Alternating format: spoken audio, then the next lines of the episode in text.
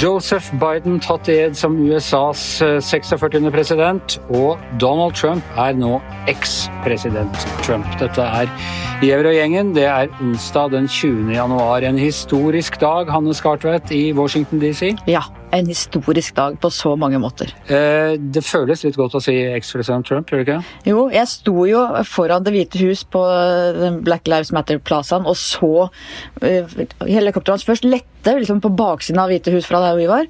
Og så trodde vi han var borte, og så tok han en ekstra runde, så plutselig var helikopteret hans rett over oss. Og vi tenkte dette var siste gang vi så var i nærheten av Donald Trump i mitt liv, tror jeg. La oss ta eh, litt om det, for han, altså han sa noen ord før han forlot Det hvite hus. og Så uh, landet han på denne uh, militærflyplassen, og der holdt han en liten tale. Jeg satt i studio her på VGTV og sa at jeg syntes den var ganske bra, fordi han, fordi han, i hvert fall han anerkjente at det kommer, en, det kommer en ny generasjon. Jeg håper de gjør det bra. Jeg tror de vil gjøre det bra, sa han. Og det følte jeg var så langt han noen gang kommer i å ønske Han nevnte ikke Biden, men ønske lykke til. Så så jeg du fikk det spørsmålet direkte etterpå, eh, hvor Stig Øystein spør deg ja, politisk redaktør Anders Skarten, Anders Giæver har sagt at det var en bra tale av Trump. Syns du det? Så da så, Den satt litt inne hos deg, hadde jeg inntrykk Ja, men det gjorde den. ja. For at han Jeg hadde litt behov for, det, fordi du da ikke hadde hørt meg, jeg hadde litt behov for å understreke bare det. Det viktige er at han tross alt i aller siste sekund sa et slags lykke til, og at han håpet at det skulle gå bra. Ja da, og han snakket jo om den nye administrasjonen i den talen sin i går, om han ikke da var like forekommende. Uh, men, men grunnen til at jeg var litt mer uh, tilbakeholden enn deg, var jo at han fortsatt ikke ikke nevner Joe Bidens navn, og at han kommer med hele skrytelista hvor liksom nærmest grunnen til at Biden kom til å gjøre det bra, var at Donald Trump hadde bygget et slikt fantastisk fundament for ham. Så jeg følte at det var Jeg følte du tok det litt langt, da. Ja, jo, jo. Altså, men du, altså, Trump er Trump. Det hadde vært veldig rart om han ble, ble en radikalt annen akkurat i de siste to minuttene. Jeg er, eh, jeg vil ikke si takknemlig, men jeg er glad for at han ikke holdt på med at valget var blitt eh, stjålet eh, fra han. Eh, den der skrytinga hans føler jeg tross alt slår tilbake på ham selv. Den er, den er så ublu, den skrytinga. Selv om alle presidenter som går av, klarer å skryte av det de har gjort, så er det liksom det er ingen skam, det er ingen finesse i snikskrytet. Liksom. Ja, og jeg er helt enig med deg. klart at Det hadde vært mye verre hvis han hadde kommet med en ny rant om det stjålne valget og mobilisert eh, liksom, tilhengerne sine en gang til. sånn at eh, Jeg er enig med at det var det best tenkelige utfallet når han først skulle holde en tale eh, på flyet der. Det må også sies at han var jo unscripted, han hadde ikke teleprompter eller noe. Noe som gjorde meg litt ekstra nervøs for hva han uh, kunne finne på. Men alt i alt så tenker jeg at dette kanskje var hans finest moment i, i hele presidentperioden. Ja, det er klart, at Suksess er jo evnen til å overinnfri forventninger. Jeg tror både du og jeg hadde en stor frykt for hva som kunne komme. Så da vil jeg si at i forhold til det, så som en unscripted tale, så var dette ja. Veldig bra, faktisk. Men en annen ting, vi har, vi har jo på en måte bare uh, kommunisert gjennom uh, ankere og reportere gjennom hele denne kvelden, men en annen ting som jeg har inntrykk av at vi var enige om, er at det største øyeblikket var da Camilla Harris ble tatt igjen. Ja, det var, da tror jeg vi begge hadde tårer i øynene, Anders. for at uh, Eh, jeg får nesten klump i halsen bare ved å snakke om det. Altså, det var så ja. sterkt. Det er historisk. Hun er kvinne, minoritet. Eh, det er et glasstak som bare bryter. Eh, over 100 år etter at amerikanske kvinner fikk stemmerett. Nei, det var et veldig vakkert og rørende øyeblikk. For jeg tenker at denne innsettelsen egentlig i, i, normal sammenheng, kan du si, altså jeg har sett mange sånne presidentinnsettelser etter hvert, så var jo denne, vil jeg si, på det jevne, hvis du bare ser den sånn isolert. Eh, men det var to ting. Det ene var at den da kommer etter denne veldig spesielle situasjonen som har vært i de siste fire årene i USA, eh, som gjorde den annerledes. Og det tilfellet at ved siden av den eldre hvite mannen som vi har sett så mange av ganger blir tatt i ed som USAs president, så er det et nytt bud om fremtiden her. Virkelig. Det er samme som du var jo også til stede da, da Barack Obama ble innsatt for, uh, i 2008 som var på en måte også en sånn helt bryte lydmuren. Det er klart at Dette forteller historien hvordan USA går framover skritt for skritt. og Det vil jo alltid være sånn som i livet ellers, at det er to skritt fram og ett tilbake. Nå er de igjen på en måte i, på vei inn i framtida, og det er eh, det er gledelig, altså. Jeg føler egentlig kanskje at Obama var ett skritt fram og to tilbake med Trump, til tross for at Obama satt, satt mye lenger. Men det, det, har jo vekket ting eh, der, der du er, som som jeg er redd, altså som alltid har vært der, men som du aldri har sett liksom klare å organisere seg og bli så kraftig som det har vært i disse fire årene?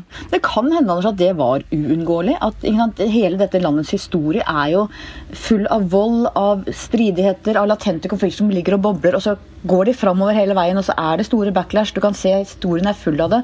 Så det kan godt hende at for å komme dit de er nå, så har man måttet gjennom dette. Jeg har tenkt de siste dagene at at alt som har skjedd nå, særlig de siste par månedene, kanskje har vært liksom å få dem så i bånn at nå klarer igjen i USA å finne veien oppover. Det er jo et land som reiser seg til kriser. Hver gang. Ja da. Nei, og det er et land med sterke bipolare trekk. Det må man jo, må man jo også si.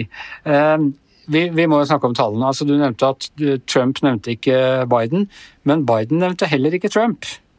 Og, og jeg har liksom oppsummert den talen litt i, i, i tre eh, stadier. Det var eh, det var en eh, åpning eh, som var ganske sånn pragmatisk, nesten litt Winston Churchill, blod, svette, jeg kan bare tilby blod, svette og tårer-aktig. Mm. Eh, ikke sant? Med, med pandemien og, og, alvorligheten. Han prøvde ikke å rosemale noe som helst. Eh, så var det en del som gikk på Trump uten at han nevnte han, hvor han snakket om da at vi har vært gjennom en krig mot uh, fakta og sannhet og, og, sånn. Da så du at Mike Pence til tross for ansiktsmasken følte seg litt ubekvem. Det har han grunn til. Og så og det har han grunn til, selv om jeg, det er også en ting vi diskuterte litt i studio. altså Mike Pence har jo tross alt hadde vært verre for ham for to og en halv uke siden å være der enn nå. Nå ble jo han litt martyr i denne stormingen av Kongressen. Han også. Men så var det den siste delen som jeg tenkte var litt sånn ordinær. Det var en sånn sammensurium av Obama- og Clinton-retorikk eh, som vi har hørt mye av eh, de siste 20 årene i USA, eller 30 årene. Og Det er jo det som amerikanske politikere ofte er gode på. Altså, De har en helt annen talekultur og litt bedre, eller ganske mye mer faktisk svulstig enn det den norske kulturen kulturen her. Jeg liker jo litt av det òg. Ja da, men det er bare Ja da, men jeg har hørt det så mange ja, ganger nå. Ja. jeg er enig i det. Men det var vel også det USA trengte å høre akkurat nå? Ja da, jeg gir et terningkast fire. Men hva tenker du om talen som sådan? Jeg syns den var god. Jeg er enig med at den var best i de to innledende fasene.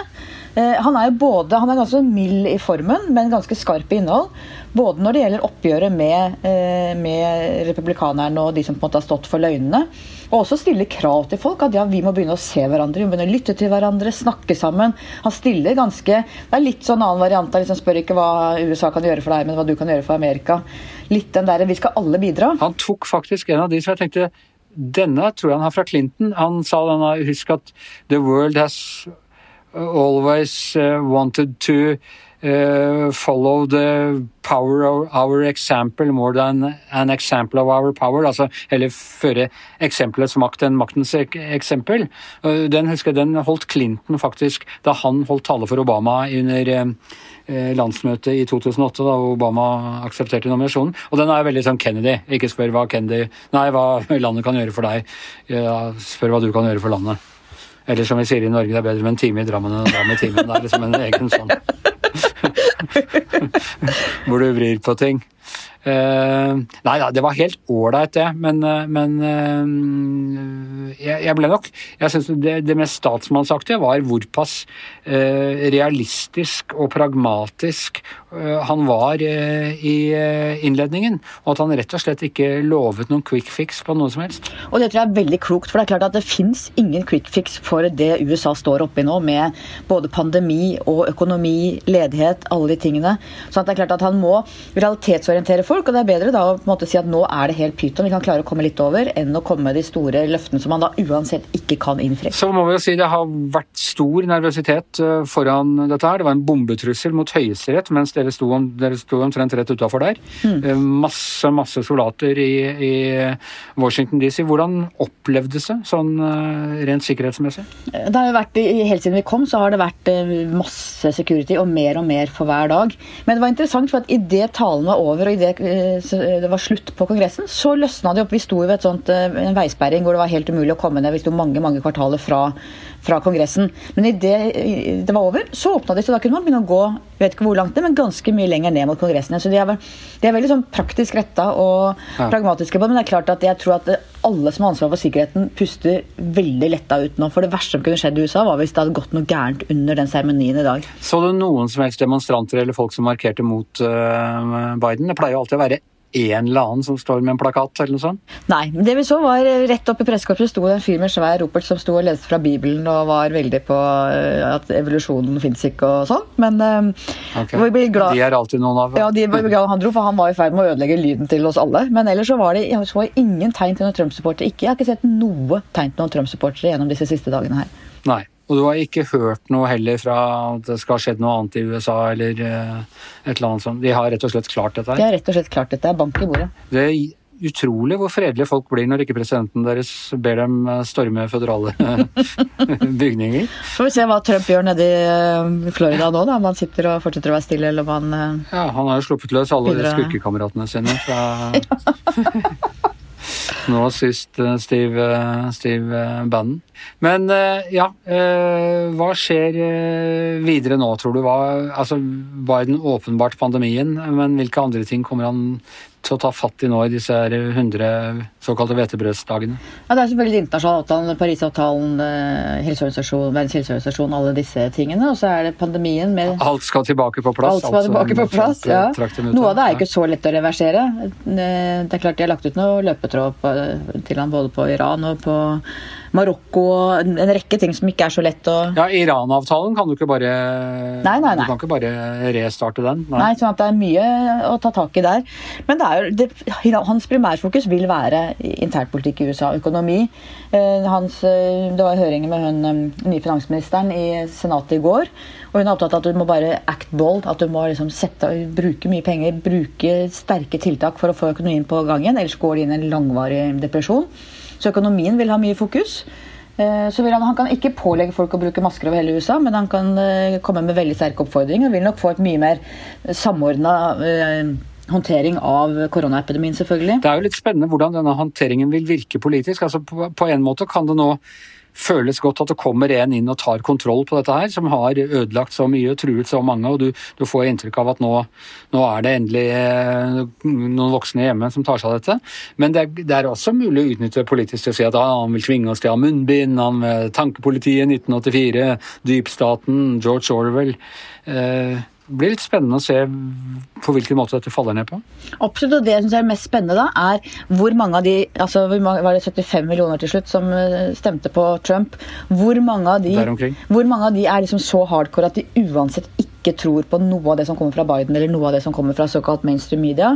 Og hvor mange av dem er det som eh, vil nå eh, lytte til det og tenke vi er amerikanere og jeg intervjuet Carl Rove, den gamle strategen til George Bush, når jeg var her forrige gang. og Han var opptatt av Norsk-amerikaneren Carl Rove. Carl Christian Rove. Ja. Eh, og han var opptatt av den gangen at amerikanere er jo først og fremst amerikanere, dernest republikanere eller demokrater. Han mente at det var mulig å på en måte samle amerikanerne rundt den, den felles identiteten.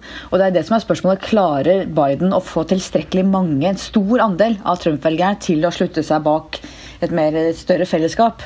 Hvor mange vil fortsatt være hardcore eh, eh, Ja, jeg skal ikke si hva jeg skal vet ikke hva jeg skal si, men altså de som fortsatt tror på løgnene og fortsatt tror på konspirasjonsteoriene og bare hører på ytre høyre-media, hvor mange blir det?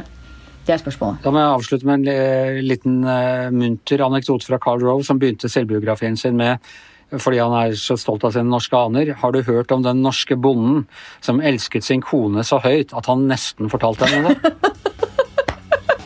Så litt humor har Carl Rove òg, han som ble kalt for George Bush sin hjerne. Ok, eh, vi er eh, ferdige for i dag, eh, Hanne. Ja. Fortsatt å være forsiktig der borte i DC. På hotellet i den amerikanske hovedstaden, Hanne Skartvedt. På kontoret i VG, Anders Giæver og Hail to the Chief, produsent Magne Antonsen.